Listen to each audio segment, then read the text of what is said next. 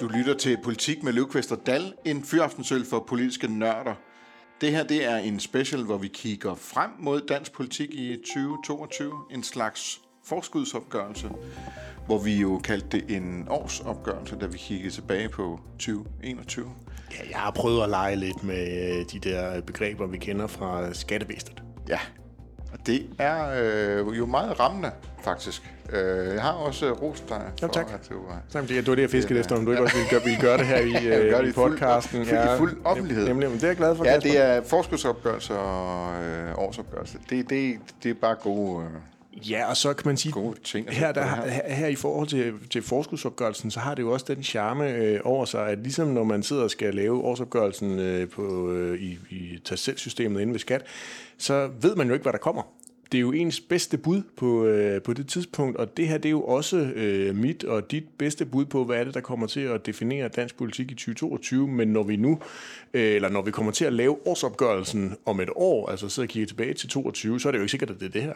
Øh, det kan være, der kommer et eller andet øh, vanvittigt ind for højre. Dansk politik er jo leveringsdygtig i mange øh, vanvittige ting, men, men, men det her det er lige vores, øh, vores bedste bud på nuværende tidspunkt. Der er en ting, vi kan være helt sikre på, det er, at når der er gået et år fra nu, så har vi fuldstændig glemt, hvad vi har siddet og snakket om her. Jeg håber ikke, der er nogen, der graver det her frem i hvert fald. det vil være meget ondsindet. Det bliver vores bedste bud Ja. ja. på, hvad politikerne kommer til at snakke om i 2020, og udgangspunktet for vores snak her, det er, at, øh, at du har lavet en, en, øh, en større forskudsopgørelse, som øh, er eller bliver trygt i, øh, i Avisen Danmark, og selvfølgelig også kan læses på øh, Avisen Danmark.dk. Jeps. Eller på vores sociale medier, hvor man også kan gå ind og følge, hvis man gerne vil have direkte link. Ja. Ja. Jeg har forsøgt at ligesom, øh, gribe ud efter, hvad er det, der kommer til at være på dagsordenen i dansk politik. Jeg har fundet syv øh, emner, som vi vil, øh, vil dykke ned i, i i den her podcast, og lige prøve at, at kigge på, hvad er det, der kommer til at være afgørende for, om, øh, for emnet, men også hvad der kommer til at være, være afgørende for både rød og blå blok. Ja, en ting, der er helt afgørende, det er, at vi også, når vi taler om øh, politik i 2022, Ja. drikker øl, når vi, Ja. vi snakker om politik, og ja. vi selvfølgelig, selvfølgelig holder, øh, holder konceptet i podcasten. Øhm, Det er mig, der har været en tur på farten i dag. ja, og der, jeg henter, øh, nu har jeg lige stukket hånden i køleskabet, og der er ved, øh, det, vi er lige øh, på nippet med at nå det her. Jeg ser lige Ja, det en, det. en, en bedst før, øh, bedst før øh, 31. 12. Ja, Yes. øh, Men der, i der, tænk, Ja. der tænkte jeg også, at vi skulle hjælpe øh, bryggeriet med at Få ryddet ud i gemmerne. med at få ryddet, ryddet ud i, i gemmerne. Det er den her jo også en glimrende anledning til. Øh, det er en, øh, en øl, der hedder Sunshine.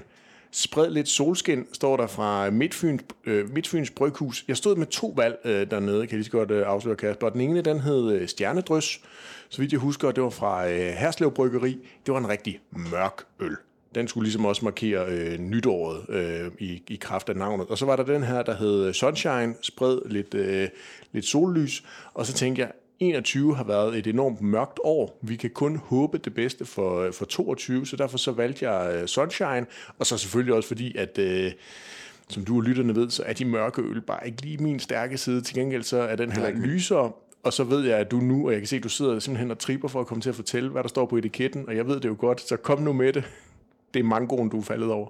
Nå, nej, jamen, ja, det er rigtigt, du hader mango. Ja, jeg er heller ikke så meget til, til, til, til mango og frugt og sådan tror, noget der, i, i øl. det, det, den bliver beskrevet som en læskende øl med noter ja. af tropiske frugter, passionsfrugter og mango. Og ja. noter af det, der er jo ikke mango i. Nej. Øh, der er nogle humletyper, hvor man ligesom kan få de der Ja, ja. smagsnoter frem. Jeg synes, det vigtigste var i virkeligheden mere, at, øh, at den var lys, og at den havde et, øh, et navn, der klingede noget mere positivt, også fordi det, det er begrænset, hvad det er af positive ting, vi kommer til at kigge på, når vi dykker ned i, i 2022. Det er i den mere dystre afdeling, vi desværre øh, arbejder med, med de emner, jeg har valgt at, at hive frem og fremhæve. Så altså, ja, der, var, der, var, der var brug for lidt, øh, lidt positiv karma. Du, du usædvanligt godt fast i kapsler her. Tumler lidt med den, ja. Vi kan da dele den, der er åben allerede, hvis der er. Jamen, det kan ikke passe, det her. Kan du, du vil tage fjernbetjeningen? Nej, det går ikke. Okay. Du får ikke min mobiltelefon. Jeg får den simpelthen ikke op, den her. Vi deler den. Det er fint, vi øh, deler det er også den en her. stor en. Ja, det er en halv liter.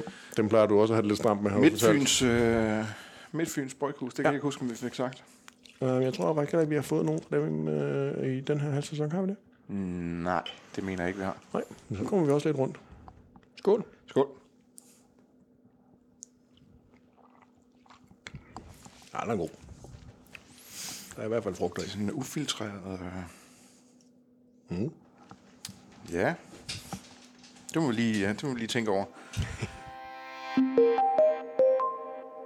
Hvis du er lige så hurtig på tasterne som Kasper Dalla er på Twitter, så få dagens Danmark, avisen Danmarks daglige nyhedsbrev, direkte i din indbakke hver morgen.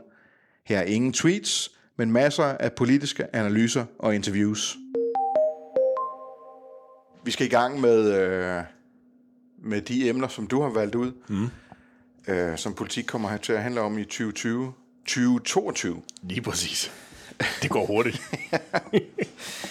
øhm, det første, du har valgt ud, det er øh, Mink-kommissionen, fordi selvfølgelig kommer vi til at tale om Mink-kommissionen til, i, det, i, det, i det kommende år. Ikke? Ja, i løbet af foråret, jeg tror det er slutningen af april, begyndelsen af maj, man sådan regner med, at Mink-kommissionen kommer med, øh, med deres opgørelse, bliver det jo i virkeligheden over, hvad, hvad de har fået ud af alle de afhøringer, der er foretaget i løbet af det her efterår, og også det, der, der strækker sig ind i, i januar. Øhm, vi kommer ikke udenom, om, øh, om at min kommission bliver definerende for 2022.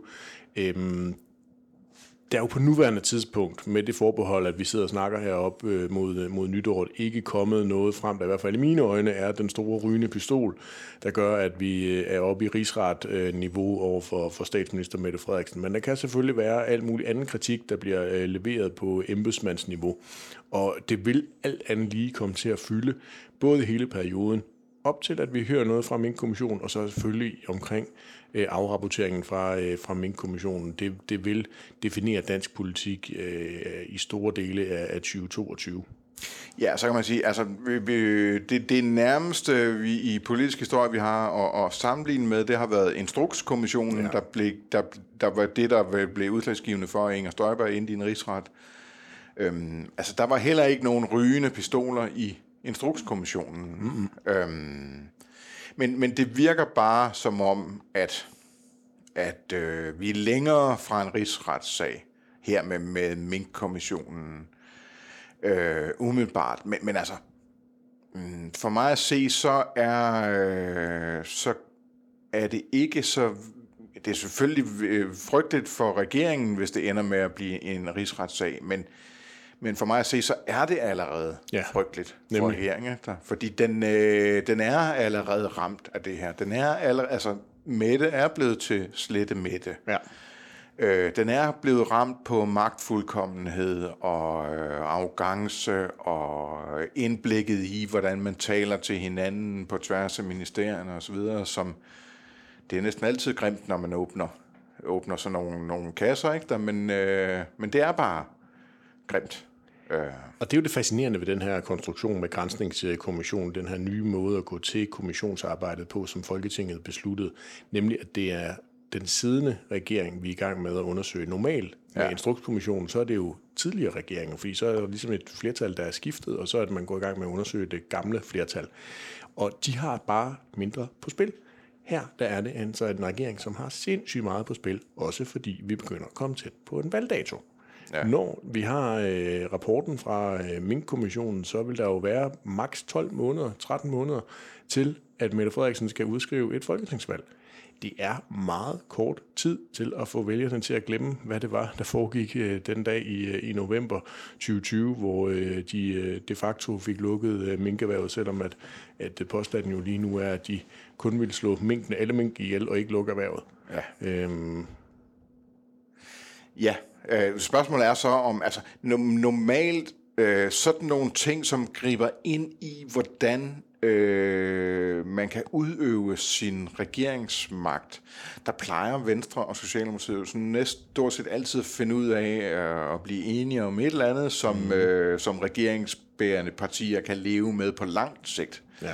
Øh, så spørgsmålet er, om det, øh, om det her det betyder, at at vi vil komme til at se sådan nogle grænsningskommissioner sådan mere generelt, eller om de får det dæmpet ned. øh, om de på et tidspunkt begynder at kunne se en fælles interesse, Venstre ja. og Socialdemokratiet, ja. i at, at få det her dæmpet ned. Ikke? Der, øhm. Det synes jeg er et rigtig godt, øh, en rigtig god refleksion, et rigtig godt spørgsmål. Altså jeg hælder jo, jeg hælder jo mest til, til dem, der tror, at det der med rigsretter, det kommer vi ikke til at se mere af, selvom vi lige har oplevet øh, Inger Støjberg og de konsekvenser, det har haft for hende. Det er stadigvæk et instrument, som man meget sjældent vil hive frem, selvom at der er nogen, der er ude og sige, at, at vi nok vil se det oftere. Jeg tror til gengæld, at det her med grænsningskommissioner, ligegyldigt om du er statsminister fra, fra Venstre, eller konser- Venstre eller Socialdemokratiet eller konservativ for den sags øh, skyld, det skal vi jo også øh, lige have med i, ja. i ligningen nu. Søren Pape går jo rundt med statsminister og drømmer, han vil bare ikke sige dem højt.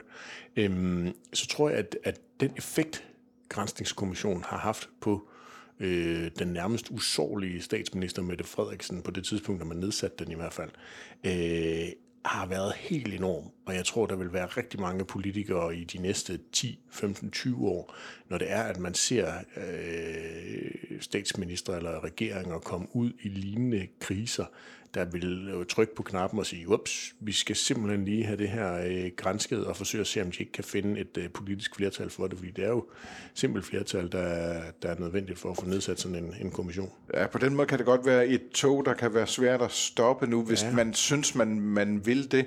På den anden side, så kan det jo også være, at effekten bliver, at vi vender os til det at få være. et mere umiddelbart indblik ja. i, hvordan magten foregår. Efter. Ja. Øh. Der er helt sikkert noget ved det, at det er det første gang. Ja.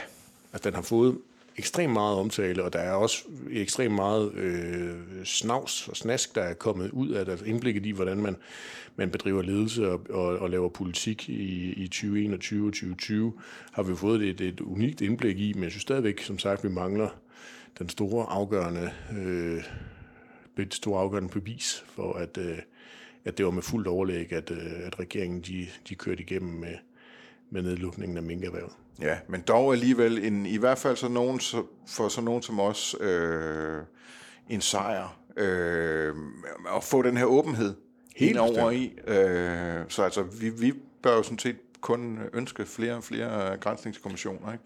Det, ja, det er jo pragtfuldt, fordi det giver netop en, øh, en, øh, en, en åbenhed i forhold til at få et indblik i, i statsadministrationen. Det man jo så kan frygte, det er, at den åbenhed, vi har oplevet her første gang, fører til, at der er andre ændrede arbejdsmetoder til næste gang. Altså at der for eksempel i statsadministrationen kommer til at være meget mindre på skrift øh, mange færre sms'er, mange færre notater og lignende, fordi der så er endnu mere, der kommer til at være mundtligt øh, hvor det ikke altid, eller i virkeligheden meget sjældent, at man får lavet de der øh, telefonnotater, der gør, at man så har noget skriftlighed. Det, det, det gør det jo alt andet lige mere besværligt at lave et grænsningsarbejde, når du ikke har så meget på skrift. Det er jo typisk det, man ser i forhold til ændringer i offentlighedslov. Ja. Altså finder de bare en anden måde at, at gøre tingene på, så tingene stadigvæk ikke er omfattet af af offentlighed i forvaltningen. Øh, men det, det er jo noget sværere at gøre i forhold til en grænsningskommission, som, øh, som jo selv, øh, selv kan vurdere, hvad den, hvad, hvilke type materiale den vil have. Ikke? Og der er jo også grænser for, hvor meget man kan, man kan, man kan, kan ordne mundtligt. Ikke? Øhm, jo, men, altså, men altså, det er rigtigt. Vi skal aldrig underkende øh, politikere og embedsmænds øh, evne til at omgå øh, at der kommer lys på, hvad de, hvad de, hvad de foretager sig. Vi har i hvert fald fået lys ind i, øh, i, i politisk, det politiske arbejde med, med den her minkkommission. Ja. Vi må håbe, det bliver ved. Det bliver i hvert fald ved, indtil vi får afgørelsen der i, i løbet af foråret til næste år. Ja. En anden ting, som vi jo heller ikke slipper for ja, øh, i, øh, i 22, det er, det, det er corona. Ja. Altså selvfølgelig kommer det til at fylde noget øh, i 22 også. Øhm. Jeg havde egentlig, da jeg sad og skrev det her, håbet, at jeg kunne undgå at lave et punkt, der hedder corona, men, men man må bare sige, at det kan vi ikke. Altså, øh, coronaen kommer også til at, at trække spor ind i, i 22. Øhm, jeg synes, det er øh, helt umuligt at forudse, hvad det er, der, øh, hvad det er, der sker, og hvilken indflydelse coronaen vil have på øh, dansk politik. Altså hvis vi ikke havde haft Mink-sagen, så ville coronaen jo være en stor, en lang sejr nærmest for, for Mette Frederiksen.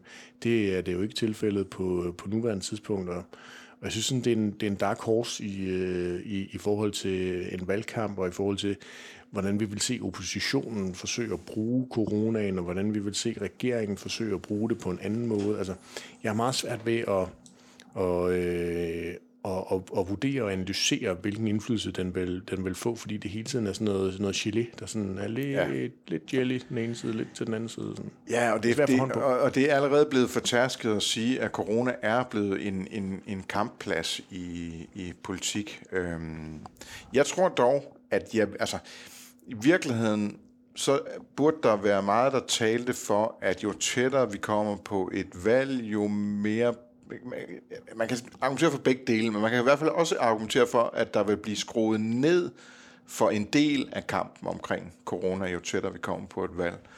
Øhm, jeg tror, det bliver mere og mere, jo tættere vi kommer på et valg, jo, det, der bliver det mere og mere risikabelt for øh, Ellemann for eksempel, at kaste sig ud i at være noget, som kan... Øh, som kan beskyldes for ikke at være i øh, pagt med, hvad myndighederne øh, anbefaler osv. Ikke øh, det bliver det, det kan blive mere og mere omkostningsfuldt, jo tættere man kommer på et valg. Ikke der, jo mere og mere vil det spidse til, at man vurderer ham på, jamen kan vi så overlade tøjlerne til ham?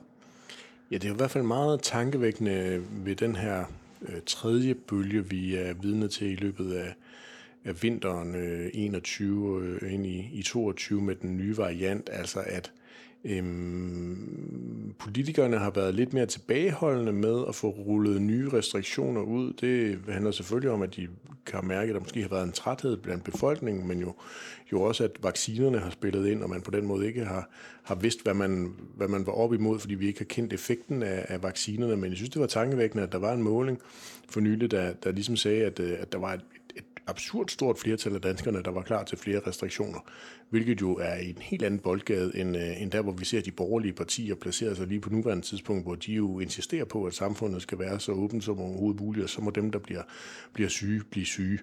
Øhm, der tror jeg, du har ret i, at vi nok vil se, at at der måske begynder at komme lidt mere konsensus øh, omkring det, og, øh, og man lytter lidt mere til, til fagligheden. Øh, frem mod et folketingsvalg, fordi det kan gå hen og blive risky business. Ja. Og, øh, og bruge coronaen som det helt store emne ved, øh, ved et valg. Ja, lige nu har vi jo sådan nogle, der er det jo især et parti som Nye Borgerlige, det, det, det som suger ja. til sig blandt det her, øh, det her segment af øh, coronaskeptikere, der ja. grænser ud mod... Øh, deciderede konspirationsteoretikere osv. Altså det, det ligger de og tapper lidt ind i.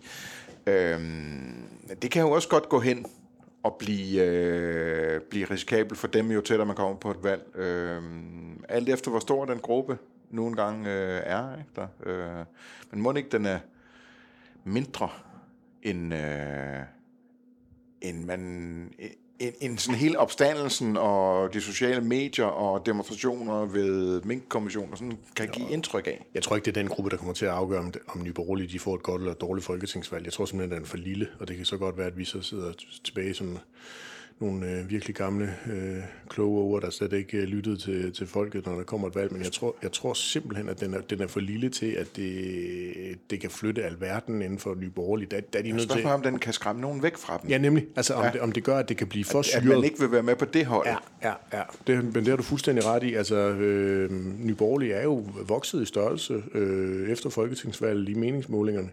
Og, øh, og det kan nemlig sagtens gå hen og sige, være sådan, at man ikke lige vil slås i hardcore med, med coronaskeptikere, vaccineskeptikere og lignende. Øhm, det, det, Jeg synes, man har set en eftertanke hos nogle af de borgerlige i forbindelse med de her demonstrationer ude foran, da ja. Mette Frederiksen blev, blev afhørt. Øh, de her meget øh, voldsomme øh, episoder, der, der, der var. Øhm, det er alligevel... Øh, altså, det er ikke rart at være på, en, øh, på et hold, øh, hvor, hvor, hvor dem, der går yderligst, de, de gør det på den måde. Ikke? Øh, altså, der kan de jo næsten, for det er jo lige før den borgerlige fløj der får sin egen autonom efter. Jo, jo, jo. Med meget god pointe. Ja.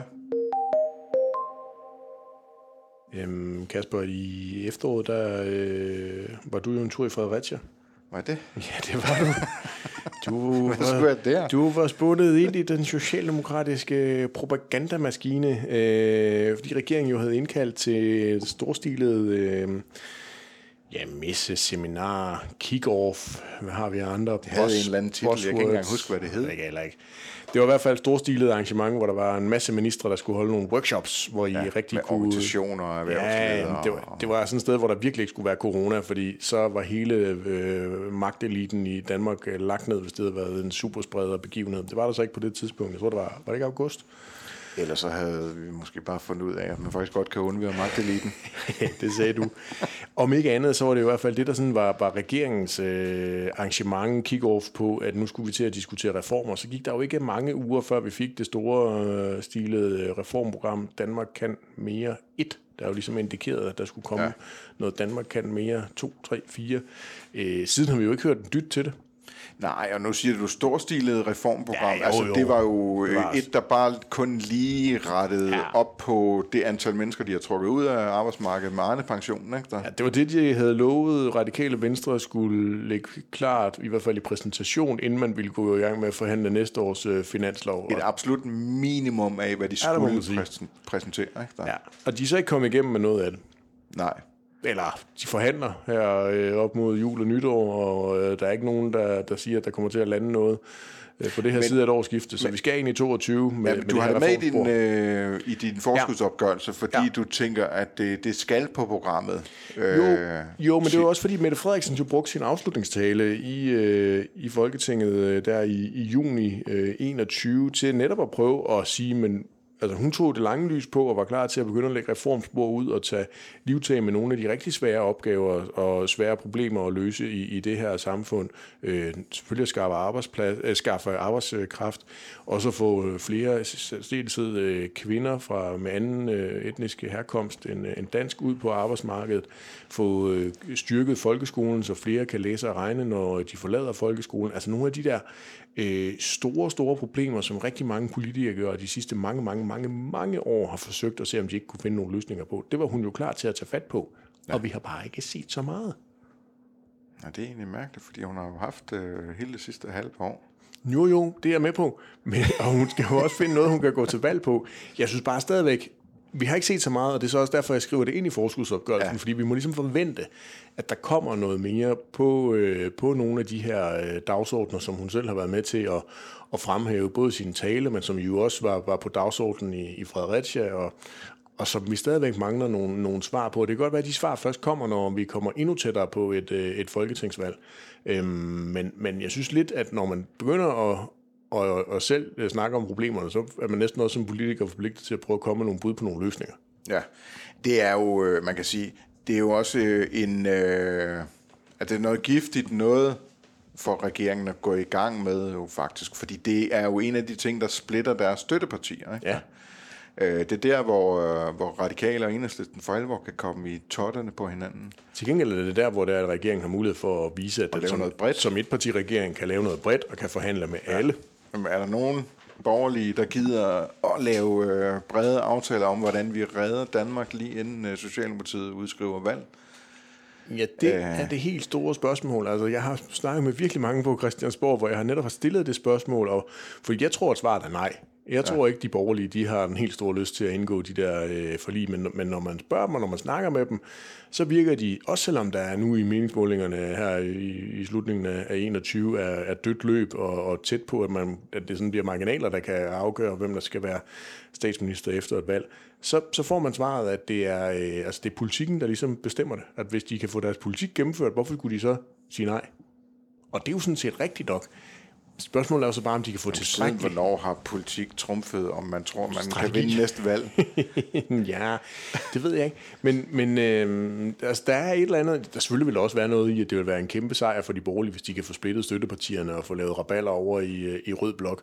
Øh, Jo, men vel først og fremmest en kæmpe sejr for regeringen, hvis den kan ja. lægge et øh, reform øh, arbejde ud, som øh, de borgerlige er med på, fordi det øh, udvider arbejdsudbuddet og redder dansk økonomi på langt sigt. Mm. Øh, er det ikke, nu ved jeg ikke, hvornår... Det, altså den rigtig store ting, der er blevet lavet i dansk politik de sidste mange år, det var det her velfærdsforlig, øh, hvor, hvor, hvor, hvor man øh, snakkede om, hvor, hvor pensionsalderen blev ja. udskudt. Ja. Der, Ja, nu, jeg kan ikke huske, hvornår i perioden det blev indgået, men jeg gætter på, at det ikke har været i øh, året op til en valgudskrivelse. det er det meget, meget, meget sjældent. der bliver sjældent lavet det helt store politiske arbejde i det år. Det er mere positionering. Jeg, jeg, jeg, jeg tror også, at regeringen, i hvert fald hvis de vil have det gennemført, har kommet, er kommet til at forregne sig og ikke har været hurtigt nok ude, og der er sikkert rigtig mange gode forklaringer på, hvorfor de ikke har gjort det. Og ellers så er det jo noget, som de så kan sige, fint nok, så bruger vi det som, øh, som valgoplæg, og så er det det, vi går ind i en øh, valgkamp med, når vi når så langt. Og vi kommer i hvert fald til at snakke om det i 2022. Det, det er helt, helt sikkert. Helt om det så bliver sådan noget eller ej. Ja. Øh, det, det, det, det samme gør sig gældende for, øh, for det, det, det, der ofte bliver omtalt som ydelserne. Ikke? Ja. Altså en, en reformering af kontanthjælpssystemet. Ja. Altså, det er jo en af de ting, vi, jeg tror faktisk allerede, jeg skrev, at det var noget, der ville komme til at præge dagsordenen i efteråret og vinteren her 2021 øh, fordi man ligesom havde en forventning om, at nu kom ydelseskommissionen med sin store afrapportering ja, det i havde du jo faktisk også ret i, fordi da, da den kom med sin afrapportering, der beskæftigede vi os jo med det. Ikke? Det, det, det er rigtigt. Tak, tak for det, Kasper. Man kan sige, vi har beskæftiget os med det. Politikerne har ikke beskæftiget sig så meget med det af mange forskellige årsager. En var jo, at der var et kommunalvalg, der gjorde, at der ikke var så mange politikere på Christiansborg til at kunne beskæftige sig med det. Så har beskæftigelsesminister Peter Hummelgaard været på en øh, velfortjent øh, barsel, øh, så det gør også, at man heller ikke laver sådan store reformer, imens at den ressortministeren han er, han er væk, og det er vikaren, der, der sidder der. Og der er rigtig mange andre gode forklaringer på, hvorfor det er, at man ikke er kommet længere med, med de her øh, forhandlinger. Det, det virker til at være på en eller anden måde... Det var en... ellers nemt, fordi de kom jo med et udspil, den her øh, kommission, yes. med... Øh, ja, nu kan jeg ikke huske... Torben Tranes. Torben Tranes i spidsen. De yep. lavede jo et en super simpel udgave af kontanthjælpssystemet, der øh, ikke kostede noget. Faktisk var det en lille smule billigere end det kontanthjælpssystem, vi har i dag. Det var fuldstændig gennemskueligt, og alle var enige om, at de havde nærmest knækket cirklens kvadratur. Der, ikke der? Ja, det de gjorde... set fra, at der var nogle få udlændingegrupper, som fik en ja. lille smule mere. Og der, det er der, hvor det begynder at blive lidt fishy i dansk politik, fordi ja. udlændinge skal helst ikke have for meget, mener det store, brede flertal. Det, de gjorde, var at tage et ekstremt byråkratisk, kompliceret øh, system og så sige, fint nok, vi gider ikke gå ind og pille ved med det, eller øh, dreje på den ene skrue den ene vej, og dreje på den anden skrue den anden vej. Det, det, det er simpelthen for besværligt til, at der er for mange mekanikker, der så, vi så piller ved. Vi rydder det hele af bordet, og så laver vi et helt nyt system fra start, hvor man så inddeler groft sagt folk i to grupper. Øh, og, og, og det kan have noget for sig. Jeg tror også, der er mange politikere, der er fascineret af det, øh, men de er bare ikke kommet længere øh, med det. Øh, af ja, mange de er jo ikke mindst fascineret af det, fordi lige pludselig kunne de se et kontanthjælpssystem, som de selv kunne forstå. Ikke? Jo, jo, nemlig. Altså, det er en, en, en besværlig øh, opgave at sætte sig ind i kontanthjælpssystemet, og det her det gør det meget nemmere, og så kan de jo så gå i gang med at mingelere oven på det og gøre det mere besværligt og ja. mere byråkratisk, når, ja. de har, når de har lavet et simpelt system. Og det skal de som også nok komme i gang med, hvis det nogensinde bliver sådan noget. Ja, altså det, det her, det er jo, det er jo enhedslistens helt store, øh, ikke raison d'etre, men, men en af årsagerne, hvis ikke den vigtigste årsag til, at de gjorde øh, regeringen, etpartiregeringen til regering øh, ja. tilbage efter valget i, i 19, det var, at der skulle kigges på det her, og man ville jo have brudt det her kontanthjælpsloft, som øh, var det helt store stavlummer fra, fra øh, den borgerlige øh, lejrs side. Men det er jo endnu et, et eksempel på, hvad, hvad det var for et stykke arbejde, den kommission har lavet, fordi enhedslisten kunne jo faktisk også grundlæggende ja. godt lide det system, selvom det ikke blev, selvom der ikke blev tilført flere penge mm. til mhm. systemet, selvom øh, øh, altså der, selvom en kontanthjælpsmodtager som sådan ikke fik det bedre, fik flere penge ud af systemet. Så, så selv enhedslisten købte jo faktisk den der model mere eller mindre, ikke der? Øh, jo. Der var bare lige det der med nogle ganske, en lille gruppe øh, udlændinge, som øh, ville få lidt mere, end de fik før. Ikke? Ja, og det er fordi, det, her, det er grundlæggende, det er jo helt, helt almindelig øh, socialpolitik. Problemet er bare, at det så også bliver udlændingepolitik. Og så er det, at... Øh... Og det bliver ikke anderledes, så længe før at integrationen er fuldstændig 100% gennemført, gennemført og vellykket. ingen problemer overhovedet. Fordi, så, fordi der er der bare øh, forholdsvis mange udlændinge i øh, et kontanthjælpssystem. Ja, eller at at udlændingepolitik ikke bliver øh, det her spøgelse, der, der vandrer gennem dansk politik, hvor man ikke helt rigtig ved, om det stadigvæk kan afgøre valg. Det vil jeg nu nok hælde til, at det godt kan. Mm. Øhm, men, men, men jeg synes i hvert fald, at der er, der, er, der, er, der er et spøgelse, der hedder udlændingepolitik, når vi diskuterer ydelsessystemet. Og, og øhm, det, ja, det bliver, fordi man kan ikke gøre noget, hvis nogen andre kan kommunikere det som nej. om, at her har, du, har man bare givet så i røv til udlændinge. blive set som et slapperparti, og hvis der er noget, Mette Frederiksen ikke vil på udlændinge, flygtninge, asylområdet, så er det at være slap. Så, så det og, og, og det tror jeg ikke, hun vil, hverken for dem, der er her, men jo også i forhold til hele den migrantudfordring, vi har i, øh, i den vestlige verden, hvor, hvor der er tryk på vores øh, ydre grænser. Der vil man ikke have, at Danmark med et nyt system vil kunne komme til at fremstå som et sted, der var attraktivt at tage hen. Altså, det vil man for alt i verden undgå fra Socialdemokratiets side. Så altså, den her knude, der skal løses med det nye kontanthjælpssystem, bliver super interessant at, at følge. Det bliver vildt spændende at se, om enhedslisten kan få noget, som de kan acceptere, eller om det ender i det helt store raballer med, med støttepartiet. Ja, så kan det, altså ligesom vi snakkede om med, med reformarbejdet lige for lidt siden, det kan en snil ind med noget, der rigtig, rigtig, rigtig bliver sådan noget for yeah, alvor nogle ja, steder. Ja. Det kan det næste emne sådan set også i virkeligheden. Den grønne skattereform er jo, altså, det var meget Morten Østergaard, der, der gjorde det til et, øh, den tidligere radikale leder, der gjorde det til et øh, helt stort dyr i åbenbaring. Og, og der er jo rigtig mange, der... Det handler går, om at løse klimaudfordringen med skattesystemet. Ja, nemlig det, der er jo rigtig mange, der ser, at det her det er den mest effektive måde, at vi kan lave grøn omstilling på, ved dybest set at sørge for, at det bliver dyrere at købe produkter eller være udleder af øh, CO2 og på den måde forurene, mens at der så er noget andet, der jo forhåbentlig gerne skulle være billigere, eller at man kan lave nogle forskellige andre støttesystemer, sådan at det ikke nødvendigvis bliver dyrere at være dansker, men at de ting, der, der forurener, de kommer til at koste mere. Og det er vanvittigt kompliceret. Øh, for eksempel bare i forhold til, hvad er det den enkelte bedrift, altså den enkelte gård, den udleder, når der står 1000 køer og skal levere mælk til øh, Arlas mejerier eller lignende. Hvor er, altså, hvad udleder det af CO2? Altså få opgjort det, så man kan sørge for, at mælken den bliver øh, 50 øre eller en krone eller 2,5 kroner eller et eller andet beløb dyrere. Øhm, det er en vanvittig svær opgave, og den har de så øh, Øh, det politiske flertal givet en, øh, en øh, det er ikke en, øh, det er en ekspertgruppe, det er ikke en kommission, men en ekspertgruppe havde egentlig fået til opgave at skulle afrapportere på det, hvordan man kunne, kunne gøre det i, i efteråret 21, og det er de så blevet nødt til at skubbe ind til 22. Øhm, og det er noget, der betyder vildt meget for samtlige tre støttepartier, og for den skyld tror jeg også, at det er noget, Venstre og Konservative de går øh, op i. Altså, hvordan kan man lave det her på en, øh, på en begavet måde? Øh, mens at regeringen ikke virker sådan super interesseret i.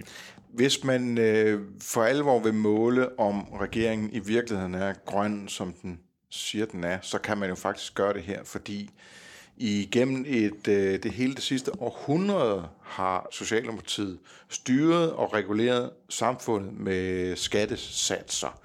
Altså det, det, det er virkelig... Øh, det er virkelig her, at man har kunnet gå ind og regulere folks adfærd. Ja. Øh, så hvis de virkelig mente det noget, hvis de virkelig mente, at man bliver nødt til at ændre adfærd for at løse klimaproblematikken, så havde de ingen problemer haft med at gå ind her. De, her der er de bare så bange for at, øh, at regulere folks adfærd i forhold til klimaet, at, at de simpelthen bare er berøringsangst over for, for den her grønne skattereform, ikke? der de skal trækkes til troet med den. Det tror jeg, du er ret i, og så er der jo også bare noget helt banalt i, at man, man er nødt til, når man begynder at lave det her, at have et ordentligt øh, beregningsgrundlag. Altså jeg tror lidt, at de der ejendomsværdi, øh, altså ejendomsskattesystemet, ja, ja. Det, det spørger altså, fordi ja. hvordan er det, du værdisætter en ejendom? Det burde være relativt simpelt, men her der er du så i gang med at skal forsøge at beskatte alt i samfundet. Det er jo det, der er lagt op til. Ja. Det er jo ikke bare, at vi, vi har jo et CO2-skat øh, i, øh, i Danmark i dag. Det er jo ikke bare den, man vil have hævet. Vi vil jo ind og sige, alt, hvad vi køber og sælger, ja. skal på en eller anden måde have et, et, et grønt markat, der gør det billigere eller dyrere hæftet på sig. Og en ting er selvfølgelig, hvordan vi gør det her, men noget andet er jo også, hvis vi gerne vil være det grønne foregangsland, som, som alle, nærmest alle partier på, på Christiansborg jo, jo gerne vil have, at hele verden skal kunne kigge til Danmark og se, hvordan man laver det grønne paradis, så er vi også nødt til at gøre det ordentligt. Og det tager bare tid, fordi det er en vildt kompliceret opgave at forsøge at løse. Ja, held og lykke til dem, der skal lave uh, øh, IT-systemet. De kommer til at tjene rigtig mange penge på det. Uh, spørgsmålet er, om det er et evighedsprojekt. Et andet evighedsprojekt, Kasper, det er jo, hvordan vi indretter sundhedsvæsenet. Det ja. øh, har jo fyldt rigtig meget i 21. Det kommer også til at fylde i 22.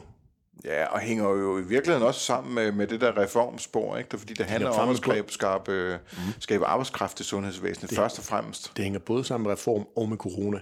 Ja. Fordi begge dele hænger sammen med, hvordan vi får vores sundhedsvæsen op at køre øh, igen, så vi ikke skal høre på alle de her historier om, hvordan der bare mangler folk, og hvordan der man er nødt til at udskyde operationer, udskyde behandlinger, øh, hvordan der ikke kan være sengepladser nok, at man nedlægger afsnit, og så videre, Øhm, og, og det trækker jo i den grad trådet helt tilbage til, til 21 øh, med sygeplejerske konflikten, hvordan den blev, blev løst, og hvordan den socialdemokratiske etpartiregering fik lagt sig ud med en, med en vigtig faggruppe der.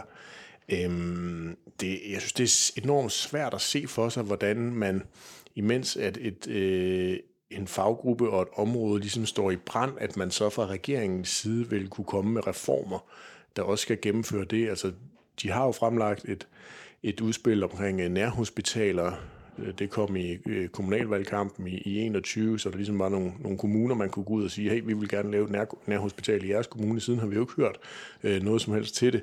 Der skulle gerne komme en del 2, i hvert fald det øh, rygtebørsen på, på Christiansborg øh, taler om, der skal gå ind og sige, okay, hvordan er strukturen så på de sygehus, vi allerede har? Skal vi forenkle det? Kan vi gøre det smartere? Kan vi, kan vi øh, ja, igen gøre tingene øh, bedre og mere effektivt til, til gavn og glæde for patienterne? Øhm, jeg, jeg, jeg, har, jeg har bare super svært ved at se, hvordan det der det skal løses, og jeg tror virkelig, at sundhed bliver et af de helt store emner i, øh, i 22, og jeg tror også, det bliver et helt stort øh, valgkampstema, hvad enten der måtte komme en, en valgkamp i 22 eller i 23. Det, det bliver top of mind. Det kan måske i virkeligheden være det, de skal øh, frygte i sundhedsvæsenet, at, at der er det her valg ude i horisonten, så så øh, der kan være nogle partier, der hellere vil have det emne med ind i øh, valgkampen, end ja. de vil løse det her. Ja, eller de vil løse det nu her. Det er rigtigt. Øh, der er i hvert fald ikke nogen, de har i hvert fald ikke nogen, øh, altså ofte så, øh, hvis man øh, taler uden for citat med, med politikere om samfundsforandringer, øh, så har de jo ofte den der med, at, at man kan ikke gøre noget, før der er en brændende platform. Øh, folk skal kunne forstå, at der er et problem. Her der har ja. de ikke nogen undskyldning. Øhm, der er i hvert fald blevet etableret et billede af en blandende platform i, i ja. sundhedssystemet. Ikke? Der, altså hvis vi, vi får hele tiden at vide det i knæ. Ja. Øhm, jeg er ikke sikker på, at der er så mange, der egentlig har oplevet konsekvenserne af det endnu, men, men det er i hvert fald den stemning, der er blevet skabt, at... Øh, at sundhedssystemet er, er, er helt til rotterne i øjeblikket, fordi der er ingen mennesker, der gider arbejde i det. Øhm, så de, de har den brændende platform til at lave forandringer nu, hvis de vil. Og jeg har bare svært ved at se det der quick fix, der gør, at regeringen kan få styr på det her område inden et valg. Ja, altså, øh, udenlandsk arbejdskraft. Ja, det vil måske kunne løse noget af problemet, men ja, det vil så hvis bare der åbne. er en tilgængelig... Ja. Hvis der er en tilgængelig ja. arbejdskraft, og sådan noget, altså det vil kunne løse noget af det, men det vil så til gengæld kunne give nogle andre udfordringer ja. for regeringen at åbne nogle andre flanker, som de ikke har lyst til. Altså, den, jeg synes, den er enormt tricky at se, hvor er den farbare vej ud af det, og det kan jo også være en årsag til, at de så ikke er kommet længere med, med, øhm, med forhandlingerne og med at få fremlagt del 2, hvis den nogensinde bliver fremlagt. Ja. Og så er vi fremme ved det sidste emne. Så er vi fremme ved det sidste, som mm. er et øh, spørgsmålstegn. Du har ja. kaldt emne, emne 7, er det, mm-hmm. tid til valg. Ja. Det kan jeg forsikre dig om, at øh, det skal nok blive tid til valg.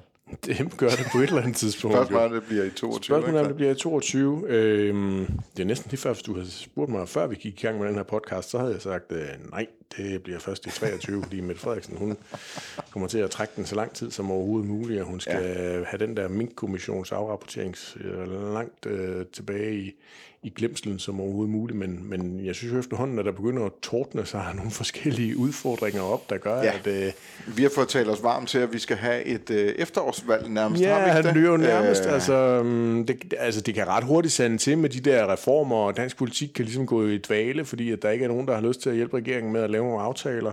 Det der sundhedsvæsen kan fuldstændig eksplodere mellem hænderne på dem, ligesom øh, Mink-kommissionen har gjort. Ja, kan det være en socialdemokratisk interesse at holde et valg, mens der stadigvæk er et niveau af corona, corona i samfundet, ja. ikke der? Det kan sagtens tænkes. Altså, det, jeg synes, den er... Øh, ja, huha.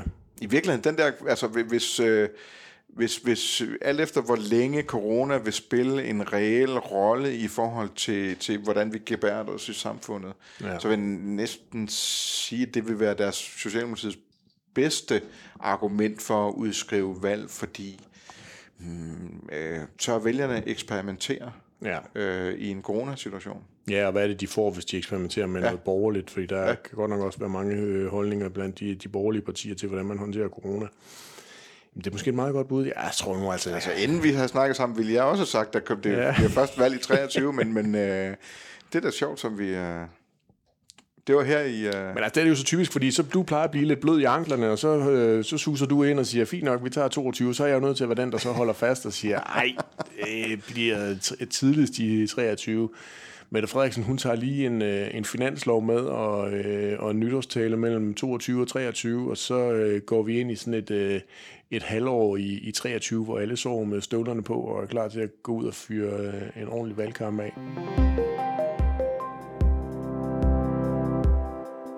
jeg var glad for, at du lige fik forsikret mig om, at vi ikke får valg i, øh, i 22, fordi jeg er faktisk ikke så begejstret for, for valgkamp. Jeg kan jo bedst lide politik øh, mellem, mellem valgene. Jamen, der er vi også forskellige. Jeg synes jo, det er fedt med det der adrenalin, og det der med, at man har en målstreg, som er sådan tæt på og tegnet op, og man, ligesom vi har snakket om rigtig mange gange med kommunalvalget her i, i, i 21, så synes jeg jo, det der med at have et resultat, og kunne dykke ned i det, og kunne måske se nogle nye flertalskombinationer, og sådan, hvad, hvad, hvad betyder det, og sådan noget, synes jeg bare er, er pragtfuldt. Jo, men kan vi ikke også bare tage det stille og roligt? alle Stille og roligt, det hårde slide, Lad være med at hisse os selv, hisse os op hele tiden. og bare- parlamentariske ja. arbejde ude i udvalgene og sådan noget. Det, sådan noget, det kan du rigtig godt lide. Yes, men det er skide godt. Der er en ting, vi slet ikke fik øh, snakket om, som øh, i hvert fald også kommer til at fylde noget i 22, det er, det er øh, formandsskiftet, øh, skiftet, valget i, øh, i DF. Men det er... Men nu var det selvfølgelig også, nu handler det selvfølgelig også om, hvad for nogle sådan politiske, hvad, hvad politikerne kom, ja. ja. og hvad politikerne kommer til at tale om. Jeg skal hilse at sige, at øh, jeg møder sjældent nogle politikere fra, fra de, når man taler med folk øh, uden for DF, som ikke også gerne vil snakke DF. Men det får vi bare afgjort ret hurtigt ja. I, uh, i 22. Ja, det tror du. Ja, der kommer der i hvert fald en formand den, den 23. januar, så må vi se, hvor længe vedkommende bliver siddende. Ja. Det kan være, at de kan nå at skifte et par gange i løbet af næste år. Ja. Vi fik drukket vores øh, Er du sunshine? næsten for gamle Sunshine øh, Ale fra Midtfyns øh, Bryghus. Det smager fint. Smager glimrende. Ja. Ja. Oh. Ja, ja. Den er Kom helt, den er helt okay. Ja.